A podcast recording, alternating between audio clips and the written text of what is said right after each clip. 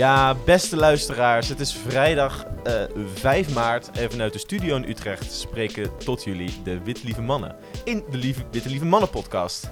Eh, vandaag bestaan we officieel eh één maand, dus het, is, het, is de, het is onze vijfde aflevering, dus nou ja. Hè, en dat, het, het halve dies is wel wat waard. Wacht, is het hele, is het hele dies? gewoon, Hele dies? Ja, is dat- een maand een dies? Nou ja, vijf, vijf niet, toch? maar- Vijf Nou ja. afleveringen. vijf. Oh, het is een lustrum. Lustrum, ja, Lustrum, ja precies. Dat maakt het steeds bijzonderder. Ja, ik, doe mijn best. Eh, vandaag zo- Normaal duurt het vijf jaar, bij ons is het een maand. Maar eh, Vijf afleveringen zijn er alweer. ga- gaat hem aantallen, hè. Nee, um, nou ja, eh, de vijfde aflevering. Ehm, vandaag gaan we het doen over de woningmarkt. Eh, de woningmarkt is natuurlijk best wel een lastig, eh, lastig voor ons. We zijn allemaal jong. Eh, we zijn allemaal in een moment, in een status van ons leven... dat we ons plotseling eh, druk moeten gaan maken over hoeveel huizen kosten... en, hoe en wat de huizenprijzen zijn. Ehm, en nou dat is nogal lastig, gezien de huidige status van de, de, de gemiddelde huizenprijzen. Dus daar gaan we het over hebben.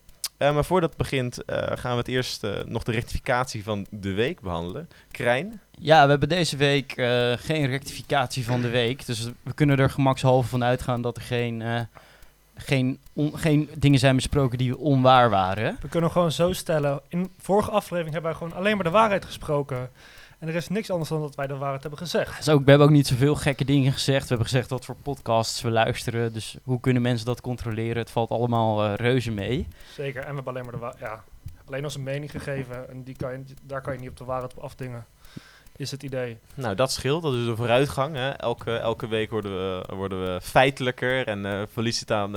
en we zijn, zijn leugens niet meer te bespotten. Dus uh, Zeker. wil je het introduceren, het onderwerp? Eh, ja, ik wil wel gaan. eh, zo, ik wil het onderwerp prima gaan introduceren.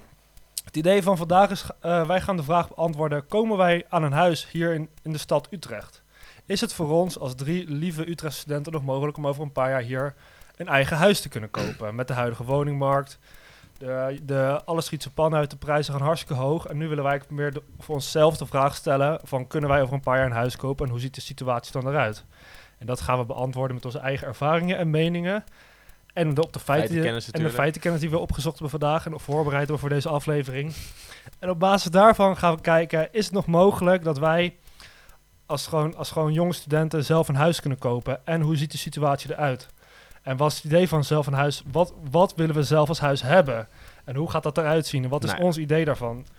Ja, dus En, daar. ehm, Wat is er mis met de huizenmarkt? Nou, economie 1, 1, 101. Er is te weinig aanbod en er is te veel vraag. En waarom is er weinig aanbod? Nou, ja, dat is natuurlijk vooral door de, e- door de economische, door de Maar laten we het eh, niet geweest. meteen te groot maken. Laten we eerst Nou, even... Zo, dat is wel belangrijk. Eerst, eerst basis weten, zeg maar. Hè. Wat is het probleem? Er is gewoon te weinig gebouwd in 2008. Die hebben we natuurlijk de, de huizenmarktcrisis gehad, waarin gewoon eh, de huizen waren gewoon niks meer waard. Dus er was, was ook helemaal geen in- incentive om te, om te bouwen. Ehm, mensen wilden ook helemaal geen kapitaal geven, de, de banken. En wat er nu is het geval is, er is te veel geld nu. Dus eh, iedereen wil weer een huis. Er zijn te weinig huizen. En ook vanuit buitenlanders en veel investeerders die in Nederlandse steden huizen investeren. Waardoor dus nou, de prijzen omhoog gaan. Maar het moet, gewoon, moet ook weer inhalen qua huizen bouwen. Ja, maar dat is niet. eh, dat is een beetje een vergezicht meteen. Ik zat juist te denken van, eh, hebben wij de kans om een huis te kopen? Want wat, eh, hoe ziet een afgestudeerde historicus, hoe ziet het, het begin van zijn loopbaan eruit? Wat voor salaris hoort er Ja, eigenlijk daar bij? denk ik helemaal niet over na eigenlijk. Nou ja, maar dan kan je toch eerst naar de, naar- naar de cijfers kijken. Laten we eerst micro beginnen. Ja, wat dan? Nou ja, wat krijg je dan? Wat krijg je? 2000 per maand. Daar kan je nog geen huis van kopen, denk ik, in het begin. Nee, nou, ik denk, ook, ik denk ook sowieso, en dat is denk ik voor de meeste eh, zo starters in deze tijd, de startlonen liggen überhaupt best wel laag. Eh, vooral met nou ja, weinig, weinig vaste contracten. Dus ik denk dat zo het huis kopen zit er voor bijna niemand van onze leeftijd. Tenzij je echt een snel een vast contract krijgt en een inkomen waar je dus ook een hypotheek vanaf kan halen. Of je hebt een aantal centjes van je, van je ouders. Zit een huis kopen er gewoon niet in aan het begin. In ieder geval eerste decennia niet, decennium niet.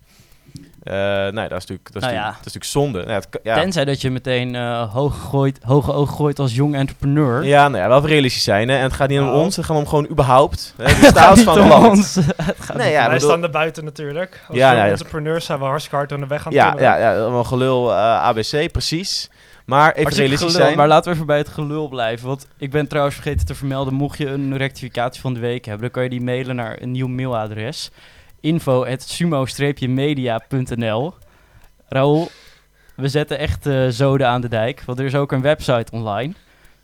sumo-media.nl. Ik wil eerst even onze, onze, ja, onze prestaties van vanmiddag eerst even pluggen, want we hebben, we hebben hard gewerkt. Aan Instagram wordt nog gewerkt, maar de website en de e-mail staan online. Eh, dus wij als jonge entrepreneurs, we hebben een kans Jij is entrepreneur. Weet je wat het is? Onrealistisch, eh, zelf ingenomen. op een, in een dromenland levend figuur. Ja, vertel. Nee, nee, nee, maar je kan natuurlijk eh, kijken naar de uitgavenkant, maar je kan ook de inkomsten omhoog schroeven. Dan, dat zorgt er ook voor dat je meer huizen kan kopen. Maar ja, dat resulteert weer tot gentrificatie, die hoge prijzen. Dus is maar één groep mensen die hierheen kan. Maar dat is meer een... eh, Een, een uitstapje waar we, die we nu even gemaakt hebben om onze eigen situatie eh, toe te kunnen lichten. Over hoe wij weer eh, onze toekomst voorzien als jong entrepreneurs in een eh, start-up eh, ja, oké, economie. fair enough. fair enough. Oké, maar, hoe, Maar gaan gaan we de, hoe, hoe gaan we de huizenmarkt gewoon verbeteren? Nou, hoe laten we zorgen we eerst- ervoor laat- dat wij en onze leeftijdsgenoten gewoon een huis kunnen gaan maar, laat, kopen? maar laten we eerst even kijken naar de problemen. Oh, wat, wat zijn de problemen, Rao? Hoe, wat is er nu mis met de huizenmarkt? En leg dat even uit. en is het, niet, is het precies verkeerd dat huizen duur zijn? Misschien zijn ze gewoon waardevol. Kijk, huizen horen natuurlijk een prijs stellen. Ja, huizen hoeft, hoeft, hoeft niet gratis te zijn. Eh, en uiteindelijk is het natuurlijk ook geen, is het, is, dit is geen vast situatie die voor eeuwig zou duren, maar we zitten gewoon in een proces van dat eh, enerzijds aanbod gewoon eh, weer ehm, eh, vraag moet bij gaan houden. En dat is gewoon een probleem. Nou ja, en wat je dus heel veel ziet is... ehm, het probleem is ook dat, dat, dat datgene wat we nu hebben in beheer hebben, daar wordt ook, wordt ook gewoon slecht omgegaan. We, hebben, we maken, het, we maken dingen ook onderaan de huismarkt. Er is op zich wel aanbod, maar het is gewoon te duur, zeg maar. Goedkoop aanbod, dingen zoals van ehm, woningbouwverenigingen, dat is vaak... Dat is, die, zijn... eh, ge- eh, die zijn verz- verzelfstandigd na de crisis in de jaren, jaren 90. Die hebben heel veel van hun huizen verkocht. Zien in Amsterdam heel veel, maar ook in, in, in steden zoals Utrecht en Kanaleiland bijvoorbeeld. Die, die, die verkopen hun sociale huurwoningen. Ehm, en ja, die moeten ook een belasting, winstbelasting Maar- afstaan. maar- en dat, is- dat is maar- een probleem. Dus onderaan de kijken markt we nu met een weg. hele Utrechtse bril, want het is een, eh, een probleem wat er denk ik zeker is. En een randstad, het is een randstadprobleem. Ja, het, is, het, is, het is sowieso een probleem, maar in de Randstad. Maar de Randstad is ook een groot deel van Nederland natuurlijk. Hier wonen wel de meeste mensen, dus het is wel een probleem voor meer Maar Ja, kijk, maar waarom kan je niet buiten de Randstad Nee, maar dan is, er geen huis, dan, dan, is, dan is er geen huistekort. Want er zijn genoeg huizen in Nederland. Maar ja, dan moet je wel in Delfzijl willen wonen. Uiteindelijk is het natuurlijk ook, eh, het is ook belangrijk dat de huizen op de juiste plekken zijn. Dat je in de gemeenschap waar je in zit een huis kan kopen. Eh, het is meer dan alleen maar wonen dan een plek om, dak je heen. Dus ook een, een situatie in eh, het social fabric van de samenleving, zeg maar. Je wilt ook ergens zijn. Locatie waar je vrienden, waar je familie hebt, waar je werk is. En dat is ook een, dat is ook een bepaalde manier is ook een recht moeten zijn. Dat je ook een bepaalde, dat je ook eh, op een bepaalde eh, geografische locatie zou kunnen moeten wonen. Zonder dat je gewoon uit een regio gepest wordt. Dat alle sociale huurwoningen aan de rand van de stad komen te staan. Dat is ook geen oplossing. Dat is niet goed voor integratie. Dat is niet goed sociale, voor... Ja. sociale huurwoning, dat is een beetje zonde. Want daar, daar is nog wel, er zijn wel een aantal interessante, interessante dingen natuurlijk gebeurd in de afgelopen tien jaar. Want tien jaar geleden hebben we een hele grote crisis gehad met de sociale woningbouwverenigingen. Die natuurlijk allemaal geprivatiseerd zijn in de jaren negentig. Omdat ze niet rendabel genoeg waren om toen de economische tijden aan te pakken van de economische crisis van de jaren negentig. Dat de overheid te groot was en niet efficiënt genoeg naar het eh, Nee, narratief van het idee. Ja, precies, het narratief Ja, ja, het- ja, inderdaad. maar, zeg, ja. zeg maar, ja, maar dat, zeg maar, er was wel een collectief gedachtegoed dat in die tijd, in de jaren negentig, overheid te groot, hij moet gewoon kleiner worden. Ja, het idee was vooral dat die woningbouwverenigingen die moesten, wat op, moesten wat gaan opleveren. Niet eens dat ze te veel kosten, dat viel best, best wel mee. En die moesten dus, daar we nu ook een winstbelasting op, zeg maar, op Maar woningbouwverenigingen. ze- Die moesten wat gaan opleveren, zeg maar. Het was niet marktconform, dus ze moesten kunnen concurreren met, eh, met de vrije sector. Maar even serieus, er wonen echt belachelijk veel mensen in Nederland in een sociale huurwoning. Het gaat om 30%, meen ik. Eh, het exacte cijfer, dat zouden we misschien nog eronder kunnen knippen. Of daar komen we op terug volgende week. Maar het is echt een hoeveelheid die in geen enkel ander land ter wereld, Ah, niet die waar. we daar terugzien. in Jawel. Zweden is het meervoud van de bevolking waar. woont in sociale huurwoningen. Ja, maar wil je dat heel, de, heel je land in een Nee, sociale huurwoning Je moet het zo zien. Kijk, sociale huurwoning is eigenlijk best wel goed. Want in Nederland, zeg maar, dat, dat, ma- ja, het maakt, een, het maakt, best, maakt een beetje winst. Hè. Die- Dat, dat wonen eh, dat door een stichting wordt beheerd. Uiteindelijk is het geen overheidswonen. Hè. Het is een, een, het is, het is een Ja, ja, maar dan woningbouwvereniging. Het is een vereniging dat samen kapitaal bij elkaar gooit. Met als doel het verschaffen van woningen. En zodat ze daar ook in de prijs competitief mee kunnen zijn. Dus uiteindelijk, later is het, heeft dat meer interactie met de overheid gekregen. Maar nu zijn ze helemaal zichzelf staand. Dus het kost dus helemaal niks. Maar het is een ontzettend sympathiek concept. Het is namelijk niet winstgericht. Eh, het, het, is, het, het, het biedt woningen aan, aan de, op de, aan Maar het zijn van de wel kosten van die woningen. en dat lokt ook wel eh, bepaald gedrag uit. Ik Maar- weet niet maar- of maar we die wat rellen gedrag met uit sociale... Nou ja, ik weet niet of we vergeten zijn dat de topman van Vestia zichzelf een, eh, een Maserati gaf als Dat is dus het leaseauto. probleem totaal buiten van die, eh, van die verzelfstandiging van die sociale huurwoningen. Omdat het namelijk, het moest dan concurreren met een soort half bedrijf worden. Nou, dan kreeg je ook dat soort excessen, een bedrijfsstructuur excessen, zeg maar. Uiteindelijk is het nuttig, het- ik vind het heel mooi dat wonen ook een gedecommodificeerd publiek iets kan zijn, zeg maar.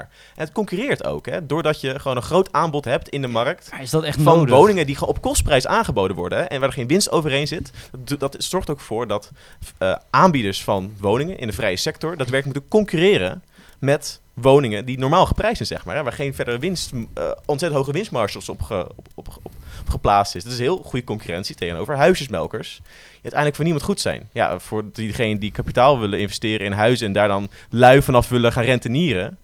Maar je, het is eigenlijk, eh, Ik zie hier een klein Nou ja. glimlachje bij uh, Kleins gezicht komen over rentenieren en lui zijn. maar, Rentenieren, eh, dat is natuurlijk de droom voor iedereen. Passief inkomen. Maar ik denk dat er niet alleen. Ik denk dat het te makkelijk is om alle huisjesmelkers over één kam te scheren. En te doen alsof, er, alsof huisjesmelkers nooit ontwikkelen. Want de echte kern van een goede eh, huisjesmelker. die ontwikkelt natuurlijk ook vastgoed.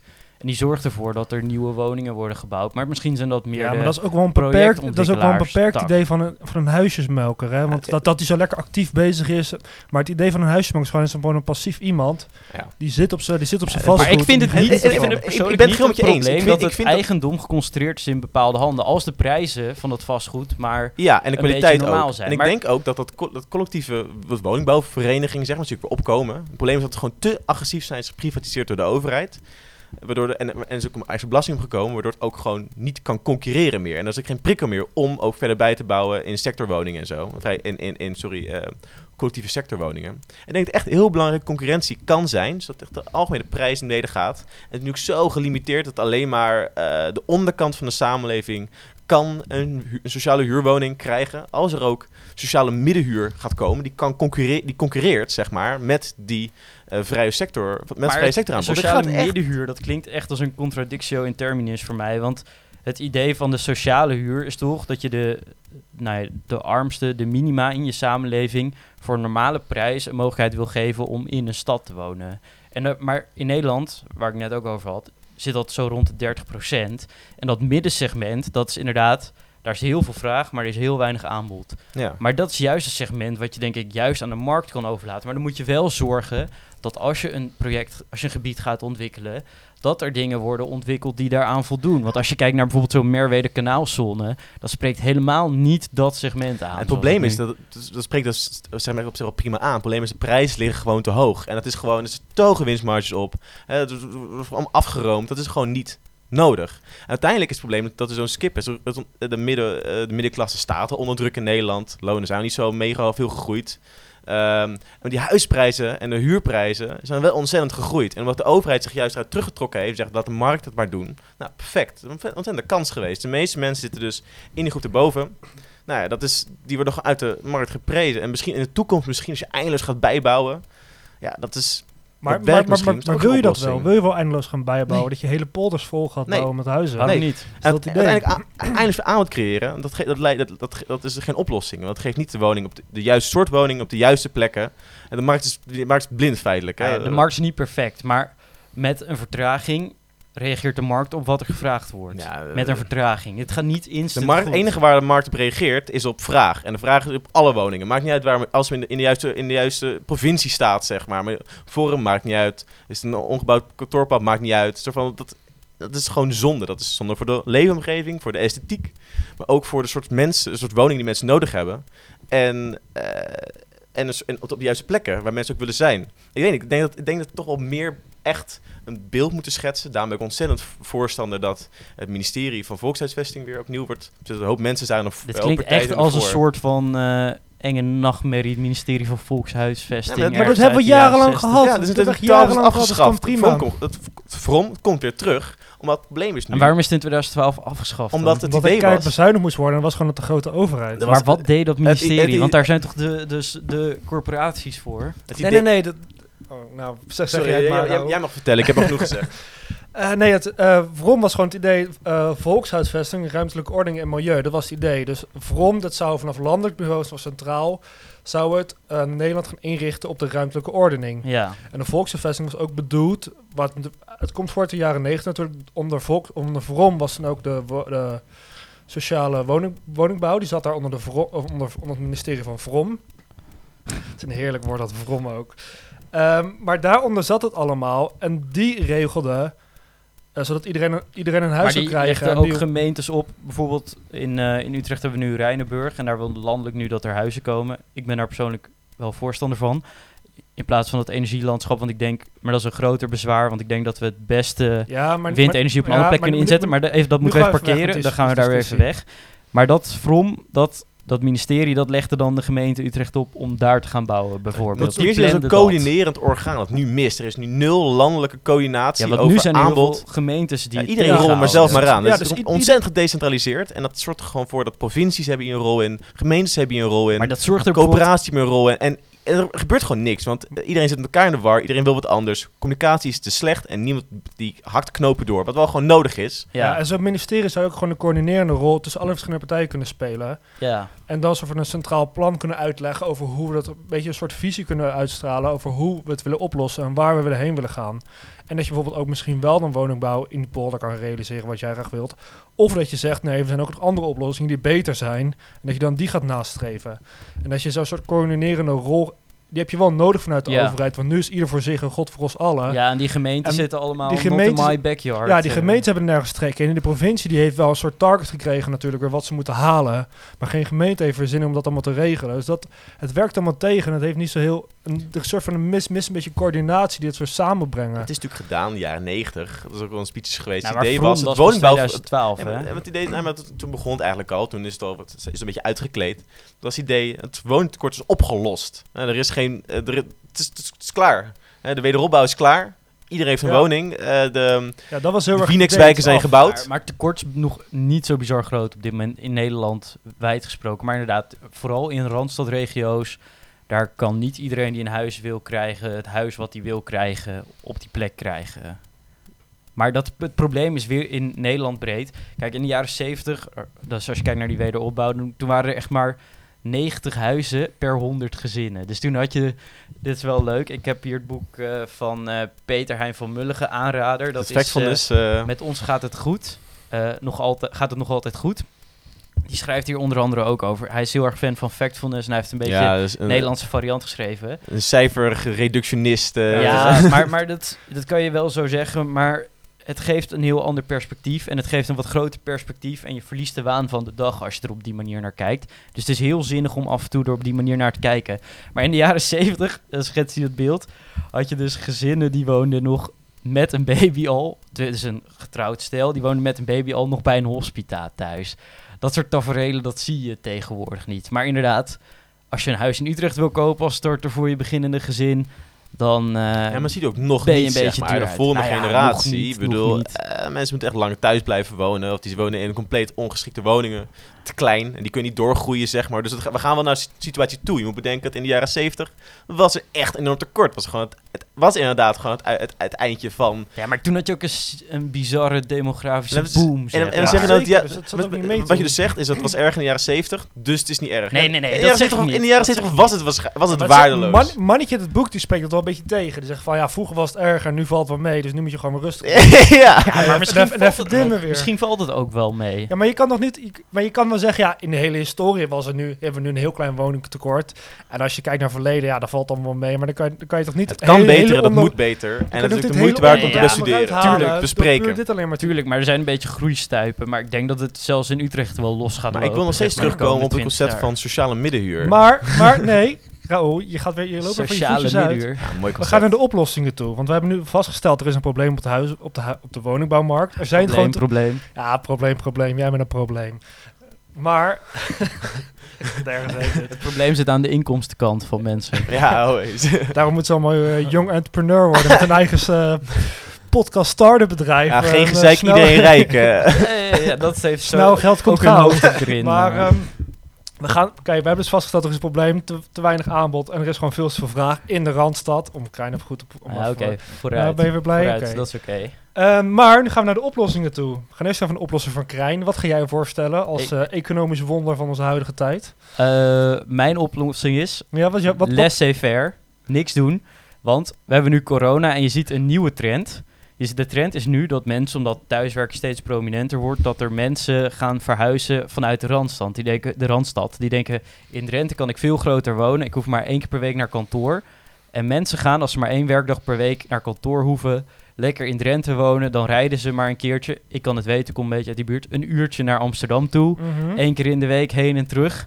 En dan hebben ze verder een wat ruimere tuin en extra kamer. Dus ik denk dat we uit de coronacrisis dat er als voordeel gaan halen dat mensen wat meer buiten de Randstad gaan wonen. En daardoor zal ook de vraag in de Randstad wat veranderen. De expats zullen nog even wegblijven. Eh, Ja, dus nou, dit maar- zijn dingen die je nog Maar- niet maar, meteen maar er ziet. zijn andere redenen waarom je in de Randstad woont. Niet alleen voor werk natuurlijk. Nou ja, Er- meeste... Er, er is ook gewoon heel veel culturele waarde in de Randstad. Familie? De steden zijn hartstikke familie gezellig. wonen daar, ja, gemeenschappen. tuurlijk. Tuurlijk, maar, Maar je- je- je je hele familie sociale op een, netwerk uur, zit hier. op een uur afstand Ja, wonen, dat is sociale gemeenschappen zijn belangrijk hoor. Ja, ja, Wijken wil maar- ook een stand houden. Maar waarom Ja. gaan die, die mensen die weg verhuizen uit de Randstad alleen? Waarom gebeurt dat niet binnen een halve vriendengroep? En als je eerlijk bent, ik denk dat we het zelf niet zo goed kunnen verplaatsen in, eh, zeg maar, dertigers met een jong gezin. Die zijn Mhm. over het algemeen zo druk met werk en hun gezin, eh, dat vrienden bezoeken, dat doe je niet meer drie keer in de week. Dat is is schande eigenlijk toch? Ja, dat is een schande. Maar er zijn ook eh, voetbalclubs in Drenthe en zo. Dus ik denk dat we nu Maak een me, nieuwe van... maak me nieuwe vrienden. Ja. En misschien nieuwe familie, misschien als je toch bezig bent. Nee, Het is daar hartstikke gezellig in. Nou ja, gaan we even- zitten daar. Maar Hou dat oma maar uit het dorp waar ze heel leven woont. Ze zijn maar op Groningen neer. dat familieprobleem, dat valt best wel mee. Want ik, met mijn ouders, wij reden ook altijd gewoon anderhalf uur naar familie. En dat deden we twee keer per maand, minimaal. En dan had je gewoon een verjaardag met iedereen. De armoede van de, moderne, van de moderne tijd. Dat we mensen zo uit een sociale context getrokken worden. Dat Nou dat ja, kan. nee, nee, joh, dat- Dat is innovatie. Vroeger, als je met de fiets ging, dan kon je al niet naar je familie die 40 kilometer verderop woonde. Omdat dat fietsend te lang is met kleine kinderen en Ja, veel nu- werk. En tegenwoordig heb je auto's. Dus al deze dingen die lossen zich we vanzelf hebben al heel lang auto's krijgen. Dit, dit is echt... Nou ja, Auto- auto's waren echt tot pas vanaf de jaren 70 Ja, echt jaren een beetje 70, bereikbaar dat is voor toch 50 iedereen. jaar nu alweer. Dat is 50 jaar alweer, klopt. Maar je moet ook even wat verder denken dan die tijd. En dan komen andere innovaties en die gaan ons helpen. Dus gaan we wat minder op kantoor werken. En dan lost zelfs dit probleem zich grotendeels vanzelf op, denk ik. Nou, dankjewel voor je uitleg, Krijn. Dat was een mooi stukje. Dus we gaan gewoon helemaal niks doen. We gaan achterover, achterover leunen in onze stoel. En we laten alles zichzelf oplossen. En als wij een huis willen kopen, dan gaan we ook maar naar Drenthe toe. Met de hele vriendengroep.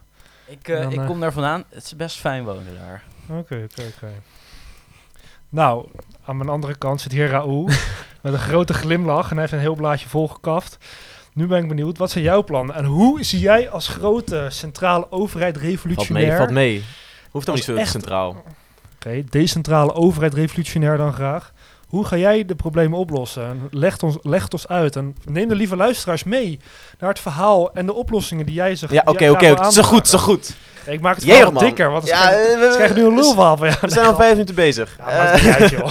ik denk sowieso dat het laissez-faire systeem niet werkt. Dus het werkt wel in een waarin de hele samenleving, de hele huizenmarkt laissez-faire zou zijn. Maar er is gewoon een bepaalde mate van eh, interactie sowieso tussen de gemeente en de politiek en het Rijk en, en, planbureaus. Ook omdat er meer eh, overwegingen zijn dan slechts het aanbieden van woningen.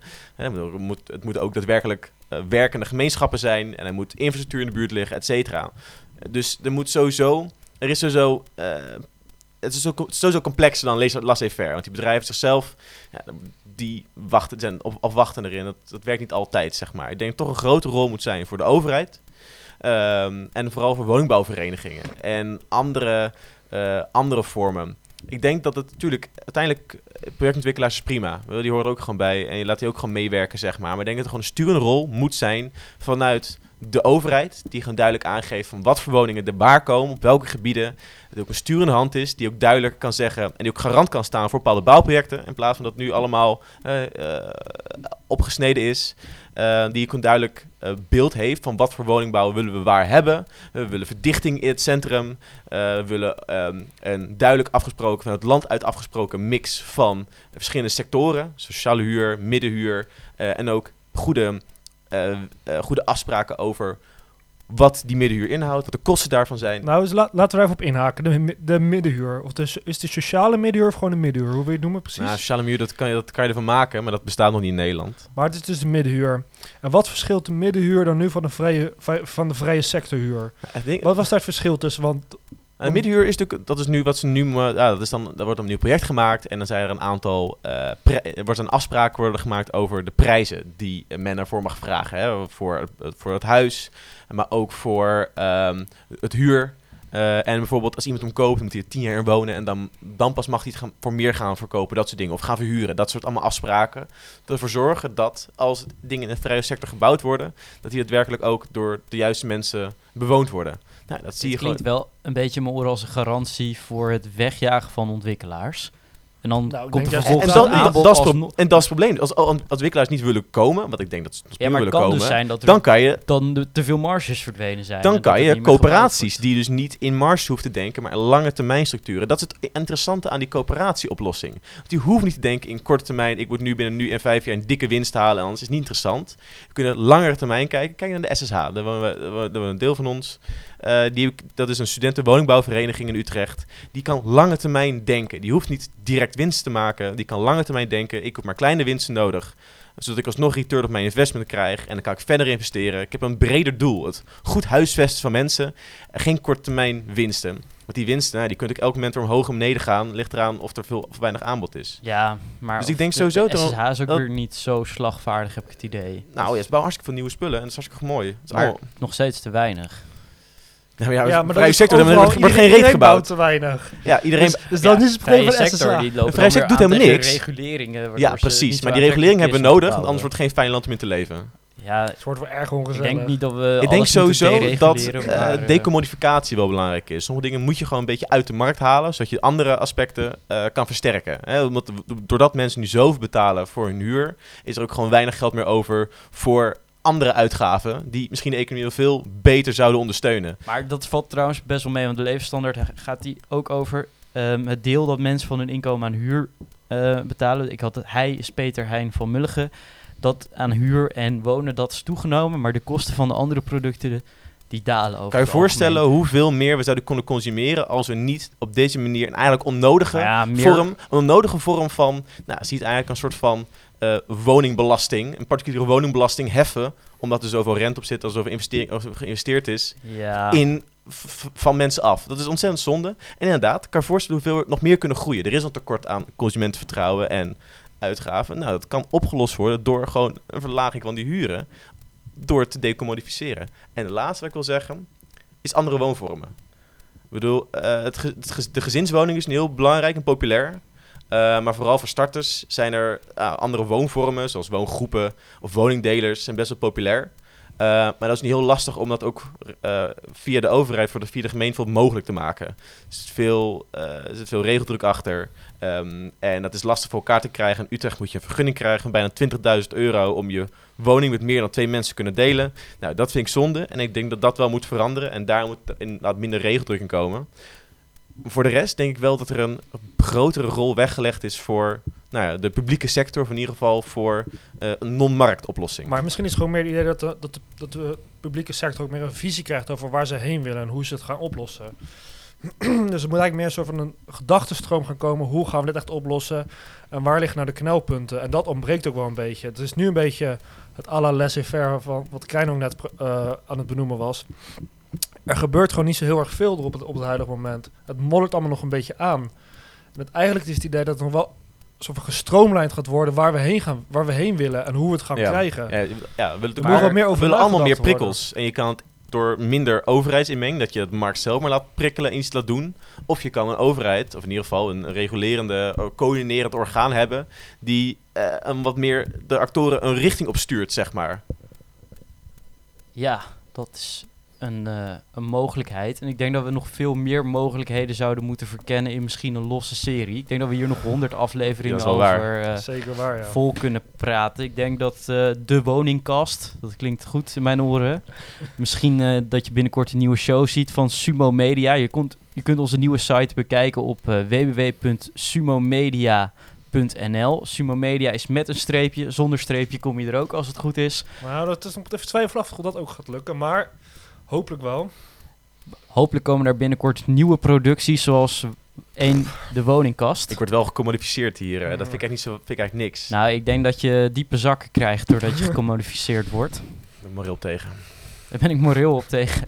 er is niks mis met welvaart. Hè? Dat is ook de enige oplossing voor armoede. Eh, maar nu eh, dwalen we af. Nu dwalen we weer af. Maar we moeten even een conclusie trekken uit het mooie, mooie gesprek wat we net hebben gehad. Is het voor ons mogelijk om over vijf jaar, waar we, we kunnen het heel persoonlijk trekken, is het voor ons mogelijk om over vijf jaar een huis te kopen in Utrecht? Ja, want de Ja. oplossing ligt aan de inkomstenkant. Oké, en vraag twee is... ja, je zit weer te glimlachen als een heel geniepig mannetje. Echt. Brillen, ja, lekker mannetje ben je krijgen.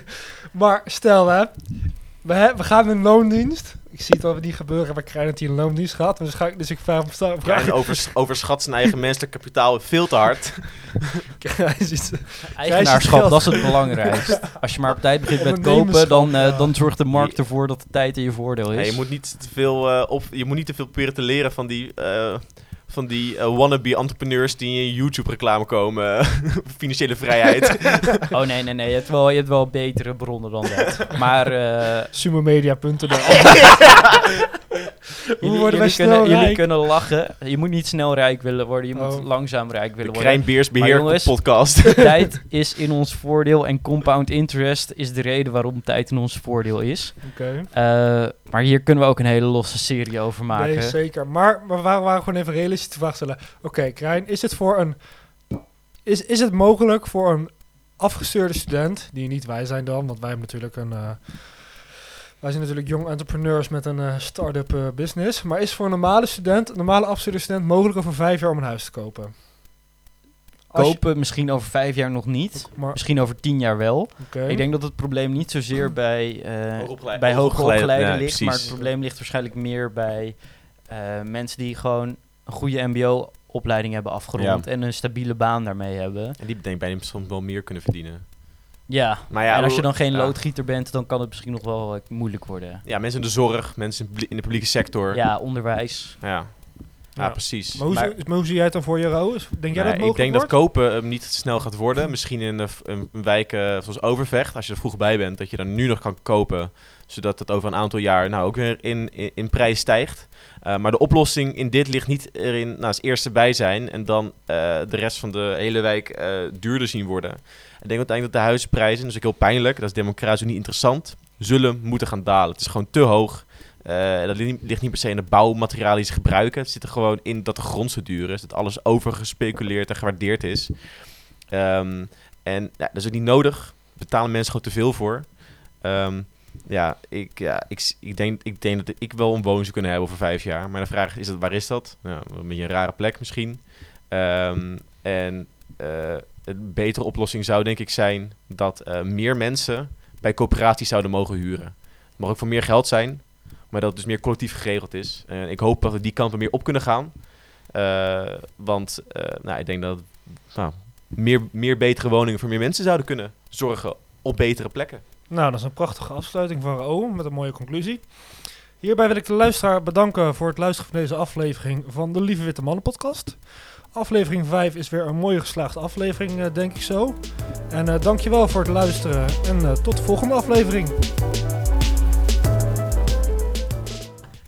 Deze podcast is mede mogelijk gemaakt en geproduceerd door Sumo Media. Wilt u zelf, heeft u nog vragen over de podcast of wilt u zelf ook een podcast maken? Mail ons dan naar info@sumomedia sumo-media.nl.